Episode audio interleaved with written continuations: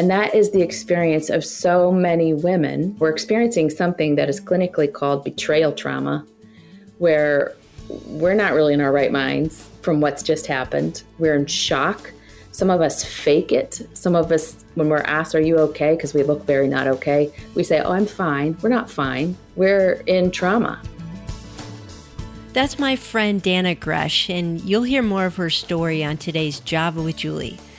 I'm Juli Slattery, and I'm so glad that you've joined me. This podcast is a listener supported outreach of Authentic Intimacy. Dannah Gresh is a best selling author, speaker, and founder of True Girl, America's most popular Christian event for tween girls. She's written over 20 books, including one that she and I co authored, Pulling Back the Shades.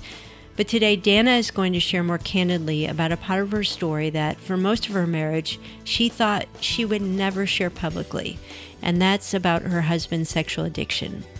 Pornography and sexual addiction create real physical trauma for the betrayed spouse. Some studies have found that up to 70% of wives of sex addicts experience PTSD. And friend, you may be walking this same difficult road right now, or maybe you have a friend or a loved one who is. This is an authentic and raw conversation from Dannah's heart, specifically for women who are on this journey Today, you're going to hear about how Dannah was affected by betrayal trauma and what her journey has been like. She'll talk about how to take ownership of your heart and your own healing. And she'll share some tools that are already in your hands as a Christian woman and how to apply them to this battle. You can go deeper with Dannah in her new book, Happily Even After. We'll link to that in our show notes and at AuthenticIntimacy.com. Let's head to the coffee shop for my conversation with my friend, Dannah Gresh. My good friend Dannah Gresh, welcome back to Java with Juli. Mm, it is a privilege always to have a cup of coffee with you, my friend. Yeah, we've been doing Java with Juli since almost the beginning of this podcast. So, yeah, I think yeah. I was one of your first interviews because, you know, we've been friends for a long time and we were in that actual coffee shop in mm-hmm. I don't remember Colorado or somewhere. We got together and once we met in between your house and my I mean yes yeah we we go we've, back we've done it a, all we wrote a book together yeah. talked about that well mm-hmm. this particular conversation Dannah, I feel like I've been with you a little bit in the pregnancy of this conversation and now yeah. you've given birth so I've been privileged to be just a little bit walking alongside you in this yeah. journey over the years. I would say you were in the labor room as the Lord was birthing healing in my life. You know, you were a friend and a coach through some really hard, hard periods of pain. Mm-hmm. Well, it's been an honor. And for anyone who's been in a labor room, the coach doesn't do a whole lot. It's the person who's who's laboring. So you're the one that has had the strength and the courage, and it's been a joy to just see how God is now redeeming that story. And um, what we're going to talk about today, and and the topic of your newest book, "Happily Even After," is a story that you've been walking through privately, but you and your husband Bob uh, just have felt like it's time to share this and to watch God redeem what you've walked through. So, how did you even come to that decision over the last year or so? Well, we decided never to share this part of our life with anyone. Mm. we just felt like we're fairly transparent. We've shared enough, but we didn't want to share, I guess, the deepest, darkest pieces. We've categorically said that my husband has struggled his life long with pornography and lust. And we really felt like that was enough. But mm-hmm. about seven years ago, six years ago, Bob and I shared publicly in front of an audience of about 2,000 women. And for three hours, women lined up. They did not want to talk to me. They wanted to talk to my husband and they wanted hope and perspective on how they could help their husband who was battling pornography and lust. And it was that day that Bob kind of looked at me and he said, Oh, baby, you know what? We've mm. got to be brave and we've got to talk about the journey that God's taken us through. I just wonder what that was like for Bob. You know, that's the conclusion that he came to. But if I'm trying to imagine what it was like in his shoes, seeing this line of women that wanted to talk to him, did he get any anger from these women? No, um, mm-hmm. the majority of these women, this was a Christian audience, and the majority of these women were in deep pain. So there were lots of tears. But they saw in Bob something that gave them hope. And they wanted to know how did he get to a place where he was honest about his sin, honest about his struggle, and started to turn the corner so that he was walking more consistently in victory than more consistently in losing the battle. Mm-hmm. And Dannah, I know that you and Bob have been very intentional about what parts of the of your story that you share, what parts that you don't feel free to share and want to keep private. But I, I'd love for you to share what you can about just what that journey has been like. In other words, this isn't just Bob. I caught him looking at pornography once. This right. is more of what the, a lot of women are walking through, where it's a decades long journey mm-hmm. of victory, falling, discovery of that, the pain of that, trying to get help. How would you summarize it, including the details that you're willing to share? Well, you know, we, before we were married, Bob confessed to me that he really was tempted by pornography, that he had a problem with lust, but he was a virgin. So we both kind of looked at each other naively and said, well, once you start having sex, this problem will go away. I found that that's a really common lie that many couples believe. Mm-hmm. It didn't go away and it was devastating. The first year of our marriage was really hard. And there were a lot of tears because we were both completely devastated. Bob, probably more so than me, because I still had a lot of naivete and thought, we'll figure this out. Didn't realize we were going to be in decades long battle. But we did find, I would say, recovery in the first three years through Christian counseling. And it wasn't easy finding the right counselor. We went through a bunch that weren't the right match, but we found this almost idyllic therapist, Tippy Duncan, who walked with us so well. But then we moved and lost that support. We moved to another part of the country and that's when we started to walk through a cycle mm. of victory and loss, victory and loss. And it really wasn't until we hit ground zero within the last decade that we went through something so devastating. And that's what you walked me through, friend, where we began to just roll up our sleeves and we were warfare like about finding out what will it take for us to live in victory? Because the bible says we can. So mm-hmm. why aren't we? Why isn't he? Why isn't our marriage walking in a place of consistent directional wholeness?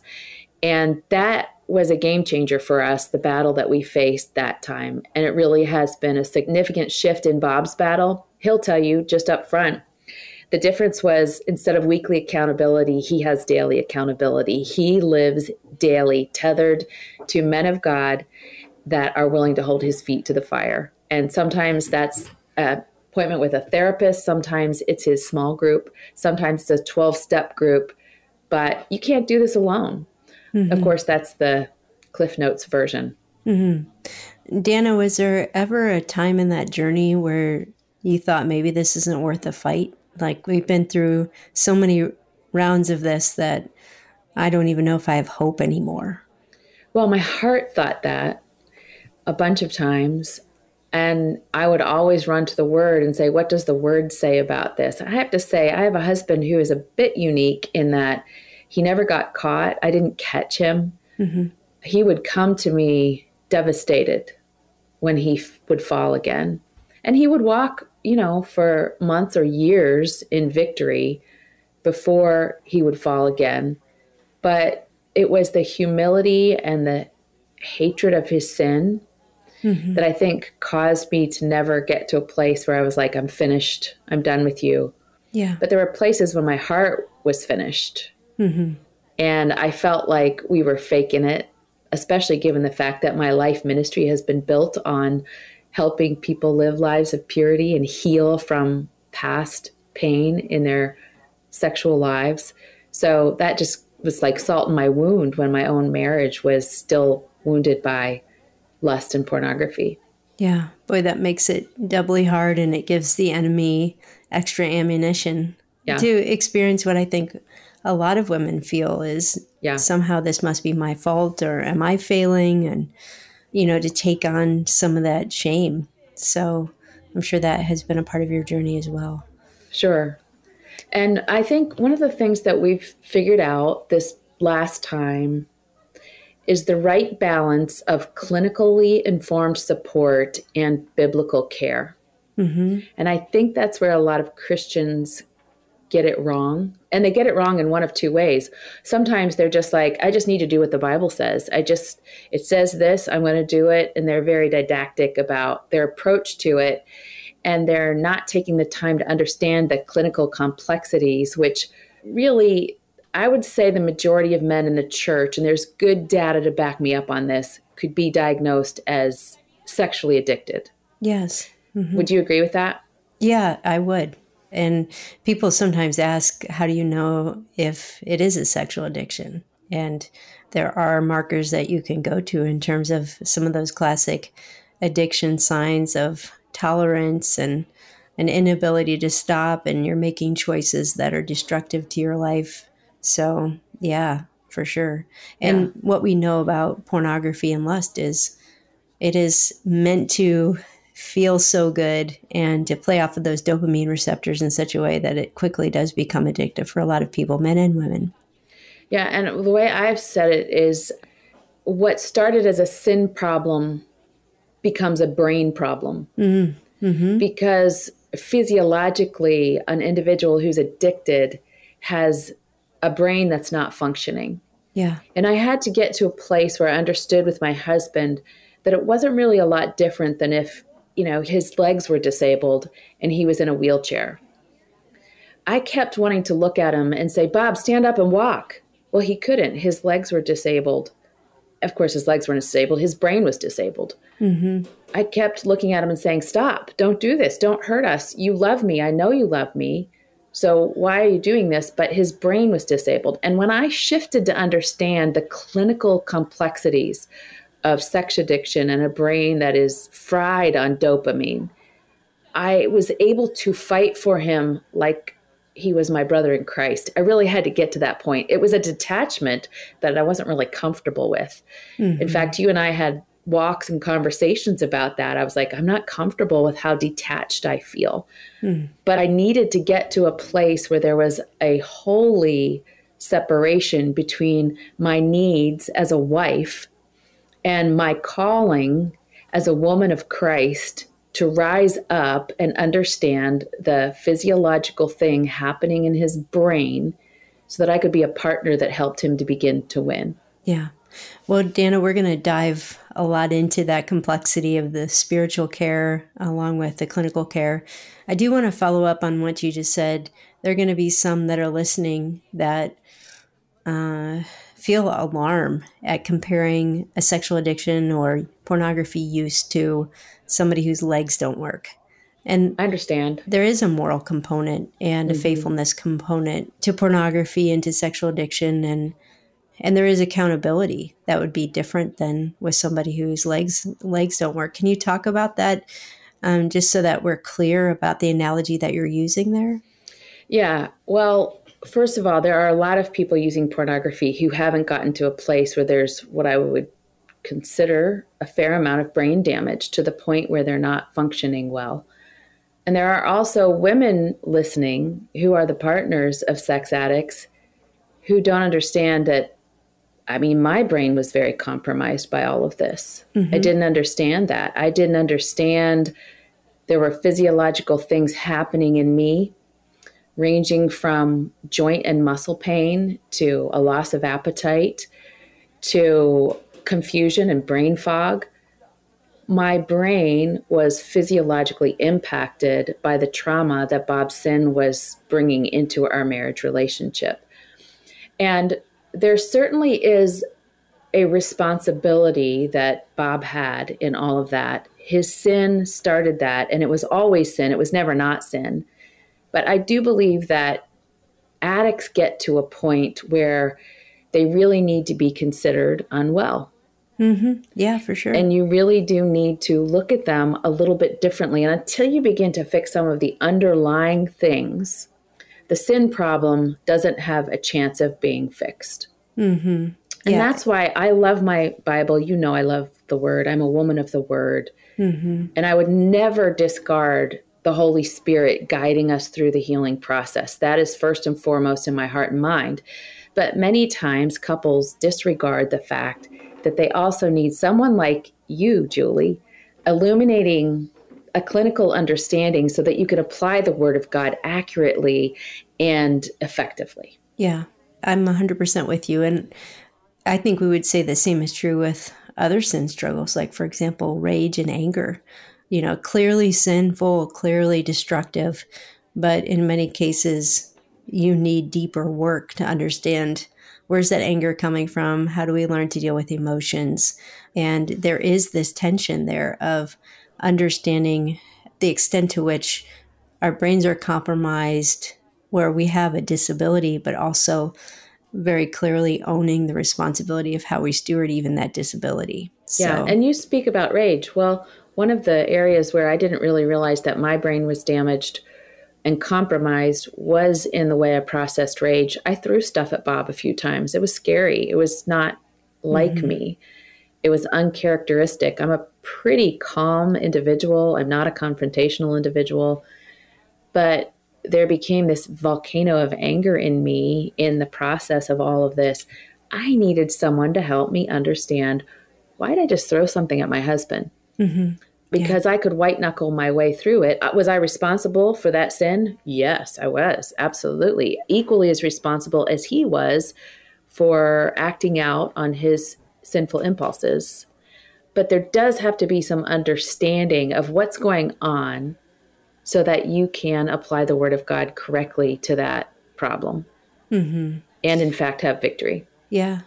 Well, Dannah, it was uh, Bob that the women were lining up to ask questions to, but Bob didn't write this book. You wrote this book. Mm-mm. And I'm wondering how you came that to that decision. Um, yeah. Bob wrote the foreword for it, so his voice is in it. But this is your book and your message to women who are in a situation that's similar to what you've walked through. Yeah. Well, most of the interviews I'm doing with Bob, but I just felt like I wanted to have a chat with a girlfriend today. I honestly mm-hmm. prayed hard about it and I thought I just while Bob was off getting treatment, I was in therapy with a counselor and I had the beautiful benefit of having you as a friend to call upon. So I thought I just want to have a follow up conversation to those sweet mm-hmm. moments of hope and healing that you offered. But his voice is interwoven in the book, and we're working on a book for husbands to come out after it. We're also working on a podcast because I think a lot of the husbands will probably be more likely to listen to some of the advice and wisdom from the book in podcast form. But I really believe that without his blessing, without his voice, I would never have done this. But here's why I decided to do it separately instead of one Bob and Dannah book. Mm-hmm. My needs were very different than Bob's needs in this journey. And many times there are these collective couples tools that don't help the woman heal in the way she needs to heal. I've described um, Bob's confession to me as like he drove our car into a tree and we were both bloody, but his injuries were more life threatening. So the EMT team shows up, they triage both of us, they put him on a gurney, and they roll off with him in the ambulance. And I'm sitting there going, Who's going to take care of me? Hmm. And that is the experience of so many women and we're sitting there in our trauma. We're experiencing something that is clinically called betrayal trauma, where we're not really in our right minds from what's just happened. We're in shock.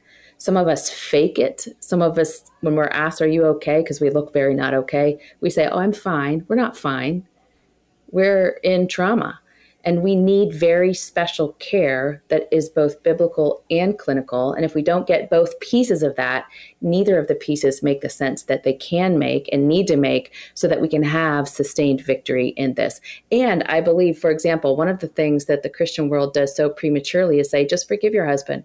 Yeah. Well, that's like telling a woman who's eight centimeters dilated and about to give birth not to scream in pain. Hmm. And that might not sound very Christian or biblical. So let me explain that I do believe the Bible says that we're supposed to be unending in our forgiveness towards one another. That does not mean I should be a doormat and be willing to be abused. So if you're in an abusive situation, you need to go get help and you may need some separation from your husband. But many times the forgiveness is very incomplete and not authentic because it's just a superficial, this is what I'm told I'm supposed to do. And there's not full understanding of what's really going on in my husband's life and heart and mind.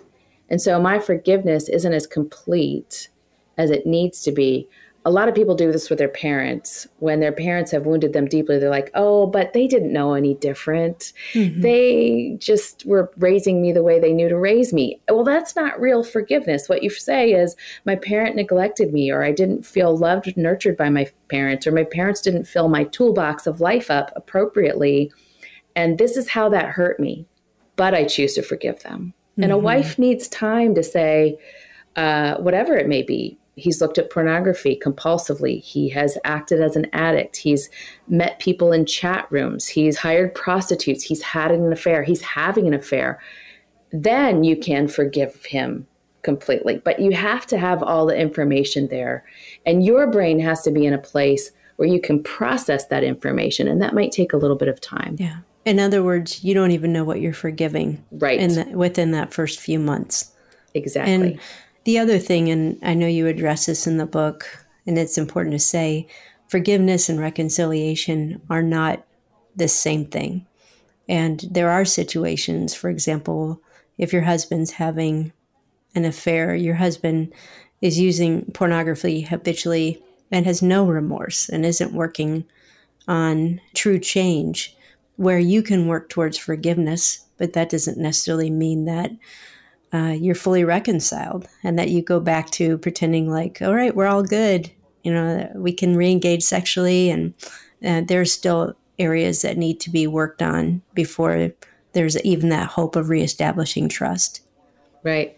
For Bob and I, that meant going through some periods where there were boundaries that weren't comfortable for him, that he didn't like. Mm-hmm. Because even though I was caring for him, I didn't want to empower him or be codependent in terms of giving him space and room to behave in ways that were destructive to his own heart as well as to our marriage. So, a lot of Christians and Christians, Bible based therapists have a hard time with boundaries, I've discovered, which makes me really sad because hmm. I think boundaries are a very biblical concept. Yeah. From the very beginning, God says the boundary for sex is the confines of a marriage between one man and one woman.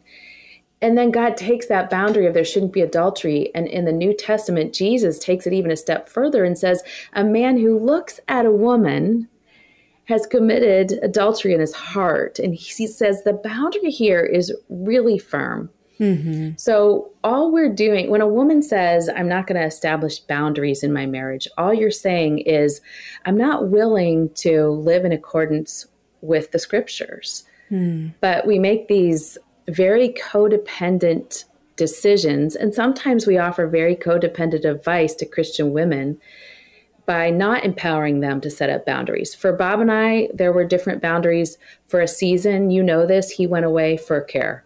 Mm-hmm. That was, in essence, a separation for us uh, that lasted several weeks. Once he came home, there was a boundary of I'm sleeping in the other room until you can walk in integrity for a certain period of time and walk through some signs and symptoms that show me that you can be trusted because forgiving him doesn't equal trusting him. That's something that comes along in the right period of time as well. So I really encourage women who are struggling not to be afraid of the boundaries, but to use them as a tool to honor and protect not only your marriage, because that's the ultimate purpose of them, but the reputation of Jesus Christ. Mm. As long as we are willing to accept unholiness in our marriages and in our marriage beds, we aren't showing the world that marriage is a picture of the gospel. Mm. We're just showing the world that we're very capable of living just like everybody else who doesn't have the power of the Holy Spirit in their lives.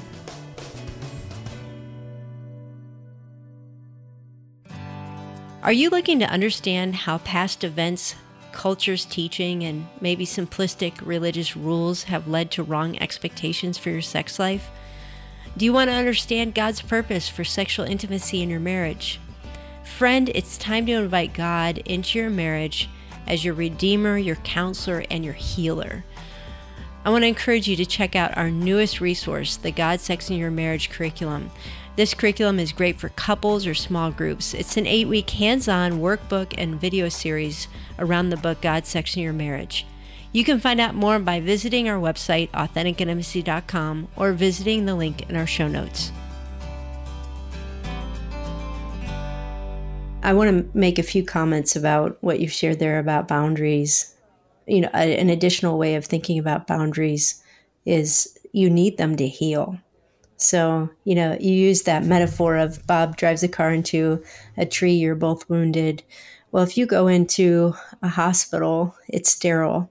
When they're operating on the guy in the car accident, nobody's allowed in there except for the doctors and nurses with masks and to protect against contamination.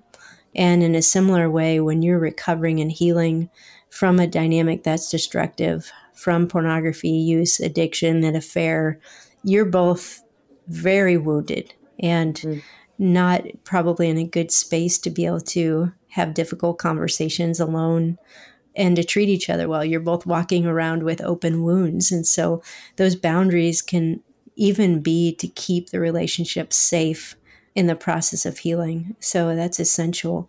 And I'd also mention that I don't know, I'm sure this was true for you. Usually in those situations, we're not good at discerning what those boundaries should be for ourselves. Like if I'm in a situation like that, doesn't matter how many degrees I have or how many other people I've helped, I can't see straight. And so you are going to need wise counselors involved that help you determine what healthy boundaries will be. Um, Dannah, yeah. I know when you were walking through that season, you had teenagers, young adults, and this is a question a lot of women ask. How do you handle that with your children? What do you tell them? They're going to notice if mom and dad are sleeping in different rooms, and certainly going to notice if there's a physical separation. Yeah.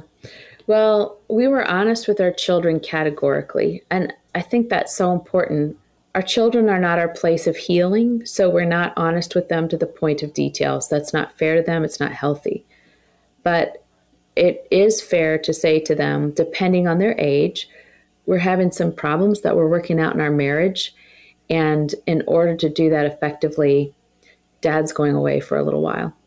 Mm-hmm. But also to give them, if you have the hope in Jesus Christ of reconciliation and coming back together, to give them that hope, because it can really be a bullet to their hearts to think, oh, mom and dad are separating. So we gave them that hope too. We said, we're not doing this so that we can end the marriage. We're doing this so that we can fix the marriage. Now, our kids were college age and adults.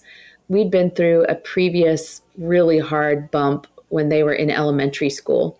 We still set them down and said, We're going through a really hard time. That's why you see us crying. That's why you see us having hard conversations. At that point, there wasn't need of any kind of separation or distance, but they saw the hurt in our hearts and they mm-hmm. saw what was going on in our lives. And we just said, this is how marriages work through pain when we've hurt each other. And we're so sad that it's also causing pain for you. If you feel insecure, if you feel afraid, will you come and tell us? Because we're still mom, we're still dad, and we're still mom and dad together. Mm. But don't be afraid of this. And then as our children were adults and we felt like we were pretty stable, we pulled them together and and we explained, um, you know, there's addiction that runs in this family. Here's how that could affect you, and here are the signs of it, and here's what you can do so that you don't fall prey to it. We were, we've been very honest with our kids about that. Hmm. What I didn't hear you say was, "Your dad did this. I'm mad at him. He's got to go get help, get fixed." And so the tone with which you communicate that is really critical for the ongoing relationship of the kids with their parents. Yeah, here's one of the lessons that Pete Kuiper, who is the therapist that you connected me to, because in our journey, we were really knee jerking away from the biblical support because we thought we're strong Christians. We're going to go mm-hmm. to this managed healthcare setting that has this gold standard of recovery as far as porn and sex addiction. So we went that way. It didn't work because without the power of the Holy Spirit in all of that clinical information, it just doesn't have the efficacy. So I called you and I said, Juli, I, Bob and I are both sensing we need to change course, but boy, does that sound unhealthy and unwell. Leaving a program you're in the middle of just when you're mm-hmm. feeling so insecure as it is sounded like maybe we were just being sicker and didn't know it. But you were really able to help us understand why it might be a good decision and to affirm it. And you directed us to clinical, biblically based care through this guy named Pete Kuiper. And the most powerful lesson he taught me, and I'll tell you what, I didn't like it, was the one that damaged your heart has no ability to fix your heart. Mm. Bummer. Big, wow. fat, huge bummer. yeah. It made me real mad. But that changed the way I talk about things, which is what I think you just heard mm. when I hmm. shared how we communicated with our kids. And partly that's because if I sh- open a door on you, a swinging door, like one of those doors in a restaurant, and give you a bloody nose, I can say I'm sorry all day long, but you still have to go to the ER and get your nose cauterized. I can't do it for you. It's your nose. Well, it was my heart that Bob hurt. And I wanted so badly for many years, I wanted him to be the healer of my heart. And that's another factor in this last round of hurt and healing that was very different. I took ownership of the healing of my own heart for the mm-hmm. first time. Mm-hmm. I didn't sit around waiting for the ambulance come back with him driving it to put me in it. Yes. I said, I have to take ownership through Jesus Christ for my heart. And what does that mean for me? It meant lots of things. Like one of the things it meant was self care, which was fearful for me. I thought, oh, that's not how the world does it. Just read your Bible and do what it says. But I called you one time because I was experiencing incredible temptation. My temptation skyrocketed sexually as well as in other ways. And I didn't act out on any of those sexual impulses. But just for example, I've traveled for a living and I've had men propose to me in airports. It's awkward and gross, and I, I'm repulsed by it. Well, I wasn't repulsed by it during this time that we were walking through this. I was attracted by it. Mm-hmm. And nothing ever happened, but things like that. And I said, You said to me, Dannah, what else are you tempted? I'm like, Well, there's this yellow blouse that I want to buy. and you said, Dannah, buy the blouse. Why did you tell me to buy the blouse? By the way, I did buy the blouse. It was a little more expensive than most of the blouses I own, but I bought the blouse and my temptation abated in all areas. But yeah. why does that work? Why would I say that? I think it's just you know, we deny, we deny, we deny. And there are certain things that we have to deny because they're wrong yeah. and we recognize them as sin. But even the temptation is just, I want to feel comfort. I want to feel loved. I want to mm-hmm. break. I want to feel peace. Yeah. And so God has provided some good outlets for those things. Yeah, so, the blouse. And then my therapist, Tippy, said I should get a weekly uh, massage. Yes. And mm-hmm. so I invested in a weekly massage for a while. And those two things, when I started to tend to my craving for comfort, the temptation sort of abated. So that was mm-hmm. really helpful. Yeah. Well, your book, right out of the gate, you say this is not a how to win your husband back book. This is not, you know, three steps to putting your marriage back together. The book very much is a guidebook to how do you pursue the Lord and pursue your own healing in the wake of what you're experiencing. And you've talked quite a bit, Dannah, about the importance of understanding the clinical pieces and getting the clinical care, which you do address in the book. But you also, throughout the whole book, you talk about these spiritual tools that mm-hmm. these are not separate pieces of the journey. They are actually meant to be integrated. That God is the one who created our brains the way they are. God understands trauma even the rhythms that he put within our Christian walk are meant to be rhythms that help us deal with disappointment, sadness, trauma, anxiety. So, in the time that we have, I would love for you to hit on what some of those spiritual tools are and why those are integral to healing. It's not just seeking counseling, which is key, but there are spiritual tools that God has given us. Yeah, and it's so important that we don't divorce them from the process because I think Bob and I made the mistake of thinking that our marriage needed recovery. What we really needed was redemption. Mm. And that is something that doesn't make something like it was before, but it makes it better. And the only one that can redeem us from sin, which is what got my marriage into this pain, is Jesus Christ. He's the only one that does redemption. And so, as much as you need clinical care, and some Christians make the mistake of not integrating that, you can't do it without biblical care. And I'm so surprised the number of Christians who are like, well, I go to this therapist because it's what my insurance pays for. They're not believers. Mm-hmm. And they're like frustrated. Why isn't this working? They're like so good. They have such a good reputation in town. Without the power of God's truth and the Holy Spirit, you're not on a redemption journey. You're on a recovery journey, which means you're just trying to patch up the places that are broken. But redemption makes a broken marriage better than it was before. It doesn't just patch it up. And so when we embarked on this journey, when Bob went off to managed healthcare, I began to get spiritual care that was different and unique and potent. And they were basic things. So let me tell you that sometimes in our lives we have to go back to the basics. Mm-hmm. And those basic things of trusting that the word did give me direction. I called my friend Donna Van Leer the day Bob confessed that he'd really relapsed. And one of the things that I guess the in interest of honoring my husband, I've decided he's willing to be more transparent than I am, but in the interest of honoring him, I just want you to know that if your husband's using pornography, it will escalate. Mm-hmm. Pornography is an addiction that requires different. So with alcohol, your addict is going to want more. With sugar, your addict is going to want more. With porn, your addict is going to want different, which means that they're going to first escalate into different appetites of pornography. Then they're going to escalate into, oh, what about a real person on the other line of the computer? And then they're going to ask, and it's just going to keep going until a husband or, or a man gets to a point where, oh, that scared me. That was too far. So when that happened for me, it knocked me to my knees in a way that was good and he confessed his sin to me. I called one of my best friends and I said, I don't feel like I can see straight. I don't know what to do. And I hadn't cried a tear. I was just very non emotional about it.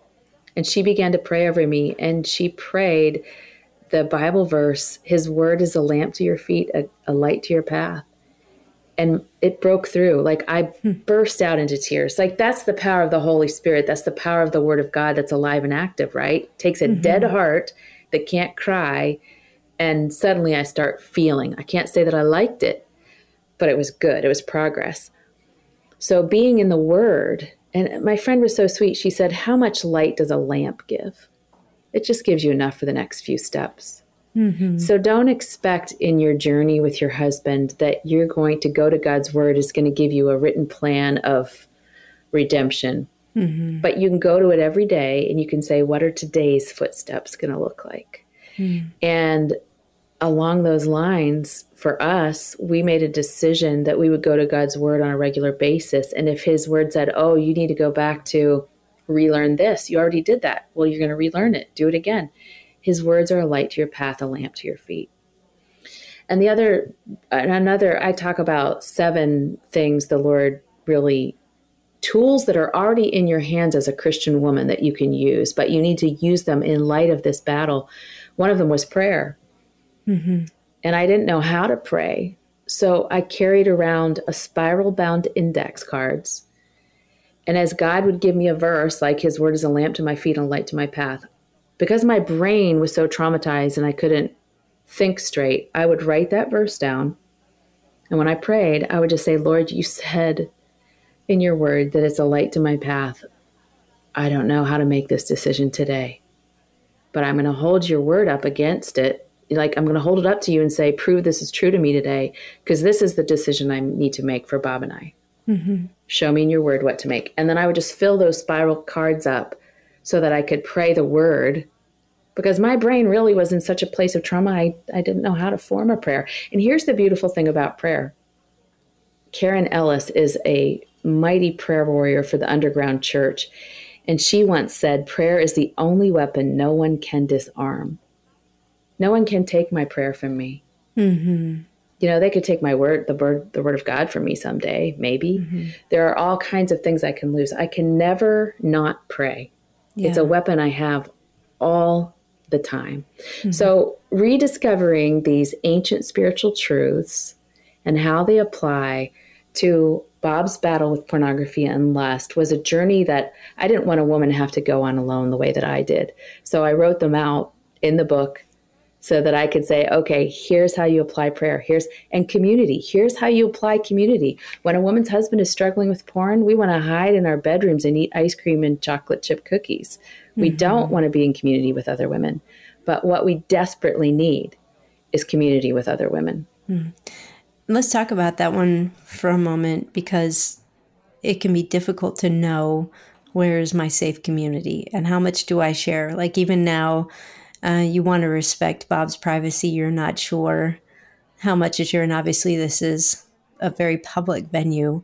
But how did you navigate those decisions about just different levels of community that were were invited into what was really happening? Well, for me, I needed two kinds of community.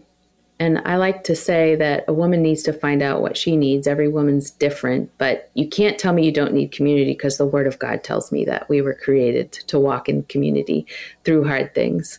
Confess your sins to one, one to another, and then you will be healed. That's what the Word of God says about our healing: is that it happens as we confess sin. And in this case, it wasn't my own sin I was confessing, but I had to go to my girlfriends and confess my husband's sin so that they knew how to tend to my hearts. But the two kind of women I needed were one, the women who knew me the best and were the closest to me. Women, women like you, women like Lynn Nold, my friend who's my biggest prayer partner through the decades. Women like Donna Van Leer, who's been my friend since high school. I needed women who knew me mm-hmm. and who I knew could handle talking to me about Bob and saying the worst things to him. I mean, I have confessed things to you that I'm not saying today. Mm-hmm. I needed to say that to some of my girlfriends, existing girlfriends, and for them to look me in the eye and say, I still love you and I'm still going to help you love Bob. Yeah. But I also needed women who've walked through what I was walking through. So mm-hmm. I had to mm-hmm. reach out to women who, one of the women I reached out to you actually recommended you put us together was Jill Savage. Now, Jill's story is very different than mine. Her husband ended up in an affair and was living with another woman for a period of time, but she didn't give up on him. Well, you said, I think you would really benefit from talking to each other. So we met, we had coffee, and it started a great friendship for us. Even though our stories were a bit different, there were enough similarities that I felt, oh, I'm not alone. Mm-hmm. And that's what having community for women who've walked through something like you're walking through does for you. You feel it erases the aloneness. And loneliness is one of Satan's greatest tools to try to dissuade you from using the spiritual disciplines and tools to become strong again. So you need that. You need it and you're going to tell yourself the lie that you don't, that you're the exception, especially if you're a pastor's wife, especially if you're a women's ministry leader, especially if you're a business leader. I mean, there's no end to the excuses that we use to not to say, "Oh, I'm the exception to not needing community." If you're hearing my voice and your husband's using pornography or struggling with lust, you are not the exception to needing community. You need mm. it. The two different kinds of friendships you mentioned are sacred type friendships where you do trust and you can share. And then there are all these other friendships around us that don't have the capacity or the type of relationship where we can share at that level. And those friendships are not bad, but they do take a lot of energy. Did you find in that season that you needed to withdraw from maybe some of the more superficial friendship or community that would have been fine in other seasons? Yeah. And let me tell you how I learned the wisdom of this on the hot pavement of life because it's a stinky mm. lesson to learn. Um, learn it from me, the textbook. So, on that earlier relapse when our kids were in elementary school, Bob and I were an open book. Mm-hmm. We told everybody Bob's struggling with pornography again. And everybody had opinions, and very few of them had invested in our lives to a degree that they deserved those opinions. Mm. And that distracted us from the work we needed to do for our marriage. We spent time, I don't think we were intentionally defending ourselves, but looking back, I realize we spent time defending ourselves. And that distracted us from the pain, that distracted us from the work. And so this last time when we went through a relapse, we were very intentional that there was going to be an inner circle that knew what we were struggling with. And the rest of the world could know categorically, we're going through a hard time and it's none of your business. that yeah. sounds really rude and harsh, but it's the reality. And it worked so much better for us, Juli, because it did not allow us to be distracted by mm-hmm. opinions. Yeah. And for them to form opinions about you uh, right. You know, Christians gossip. We're not supposed to, but we do. We slander, and and yeah. the enemy can use all that chatter to really be discouragement. Mm-hmm. Dannah, this book is a great resource. It's a great encouragement filled with tools. As you mentioned, you're building other resources along with Bob. But where would you point women to begin not just the journey of going through a book like this, but doing so within community? do you have any particular like for that well, woman who's like i need that type of friend yeah. now i need i need to connect with another woman who understands what i'm walking through well one of the things i felt called to or bob and i have felt called to is we don't think we're called to be the next marriage restoration ministry there's lots of them out there and they're great i hope women will buy a copy of this book and use it in their community but we are going to be really intentional about directing people to other communities.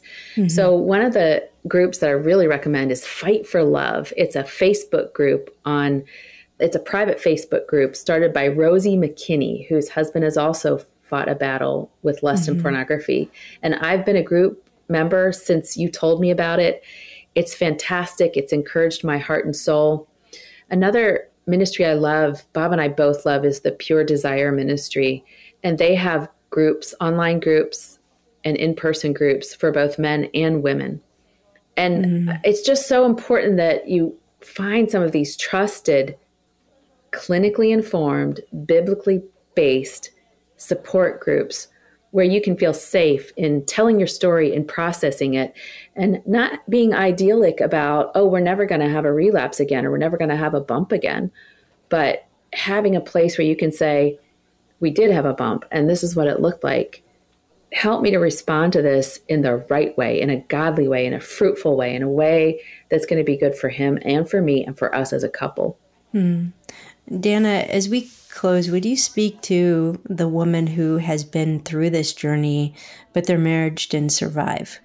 Or who is in the middle of this journey and their husband is not responding, is not repentant and humble? Is your counsel different for that situation? Well, those stories are real, they happen. And as I've sat down with women who are walking through that, I have a fairly close friend walking through that right now just last week, her husband's been living with another woman, and it seemed like his heart was softening.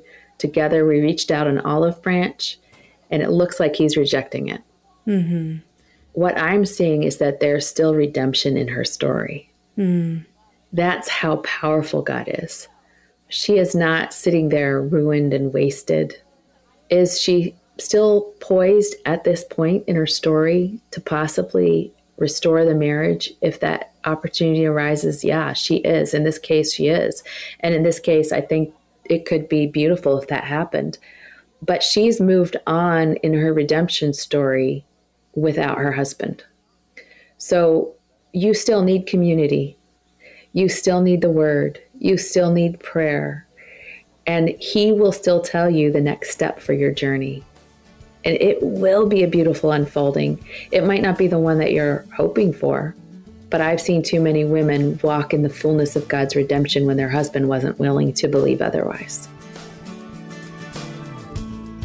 Well, I truly am grateful for Dannah's friendship and for her courage to share her story so that other women and other marriages can heal. And friend, if this is your story, I hope you'll find a trained Christian counselor who can bring that balance of clinical knowledge and biblical care that Dannah mentioned. It may take some time, and as Dannah said, they met with a lot of counselors that just weren't the right fit, but don't give up on this important part of your healing process. I'll link to a blog that I wrote called How to Choose a Wise Christian Counselor, as well as the Focus on the Family network of Christian counselors, which is a great way to find a licensed professional near you. And I hope you'll pick up a copy of Dannah's new book, Happily Even After. We'll drop a link to all of those resources in our show notes and at AuthenticIntimacy.com. Thanks for listening, and I look forward to having coffee with you next time on Java with Juli.